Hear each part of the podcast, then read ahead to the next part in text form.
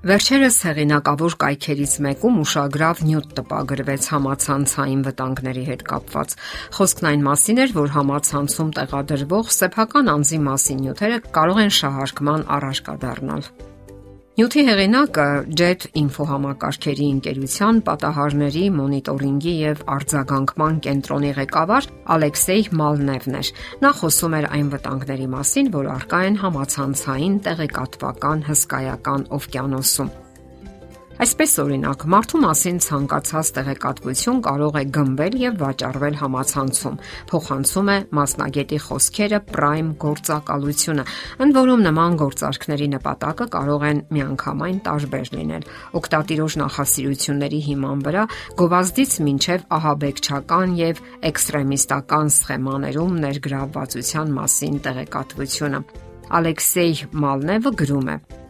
Առավելագույն ապահովվածություն ապահովելու համար պետք չէ հրապարակել ցանկացած տեղեկատվություն սեփական անձի մասին, սակայն դա հակասում է հաջողակ սոցիալականացման ժամանակակից տրամադրություններին։ Տեղեկատվական դաշտից դուրս նա կարծես գոյություն չունի եւ կարող է ընկալվել որպես հնարավոր սպառնալիք կամ վտանգ։ Ահա թե ինչու հարկավոր է գտնել առավել լավագույն ներդաշնակ հավասարակշռությունը անվտանգության եւ թվային աշխարհում հասարակության հանրության համար բաց լինելու միջև։ Ահա թե ինչու այս տեղեկատվությունը կարող է օգտակար լինել ժամանակակից երիտասարդներին, որովհետև նրանք են հիմնականում ընդգրկված թվային աշխարհում, նրանք են ստեղծագործում եւ առաջ մղում կյանքը։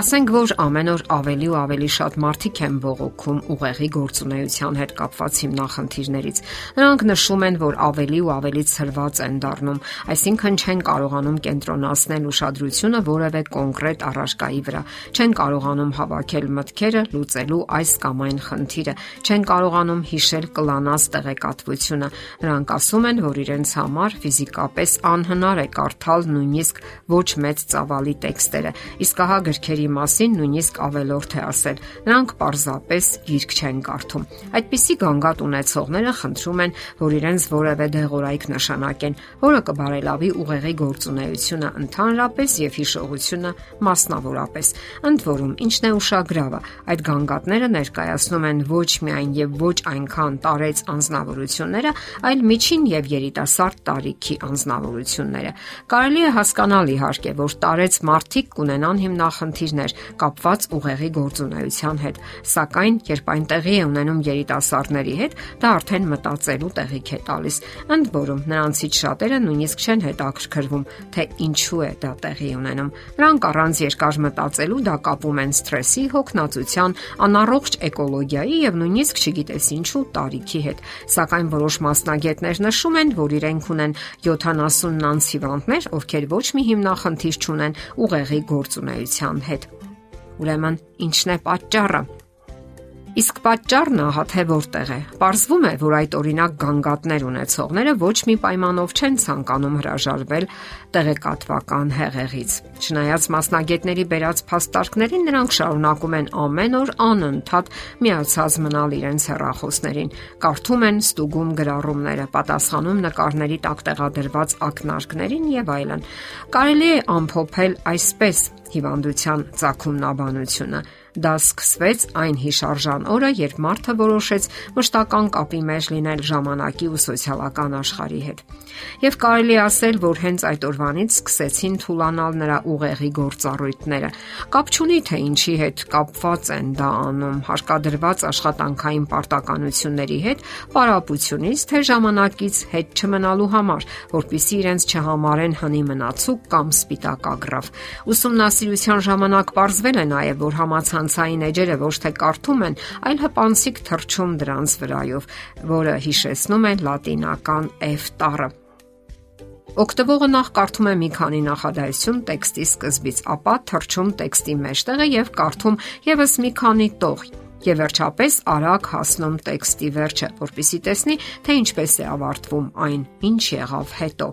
Երբեմն իհարկե լինում է, որ կարդում են ամբողջ տեքստը, սակայն դա հազվադեպ Այսպիսով պատկերավոր ասած, շատ քիչ թեմաներ կան հատկապես երկարաշունչ, որ արժանանում են ոչ վերջ կարդալու բախտին։ Հետևանքը բնականաբար թե նյութը չհասկանալն է, թե մտքի ցաք ու ցրիվ վիճակը։ Իսկ երբ այդպիսի նյութերը շատ են, ապա ուղեղը հոգնում է Ինչպես հետո մենք կպարզենք, անհամեմատ ավելի օգտակար է նյութի տպագիր եղանակից օգտվելը, քան համացանցային տարբերակը։ Շահումը մեծ է հենց միայն առողջության տեսակետից, իսկ դա բոլորովին էլ անկարևոր չէ։ Իսկ թե ինչպես անել դա, ինչպես կազմակերպել, կանդրադառնանք մեր հետագա հաղորդումներում։ Մենք խոսեցինք համացանցի թողած բացասական հետևանքների մասին, սակայն բնականաբար մեծ է համացանցային հրաապարակի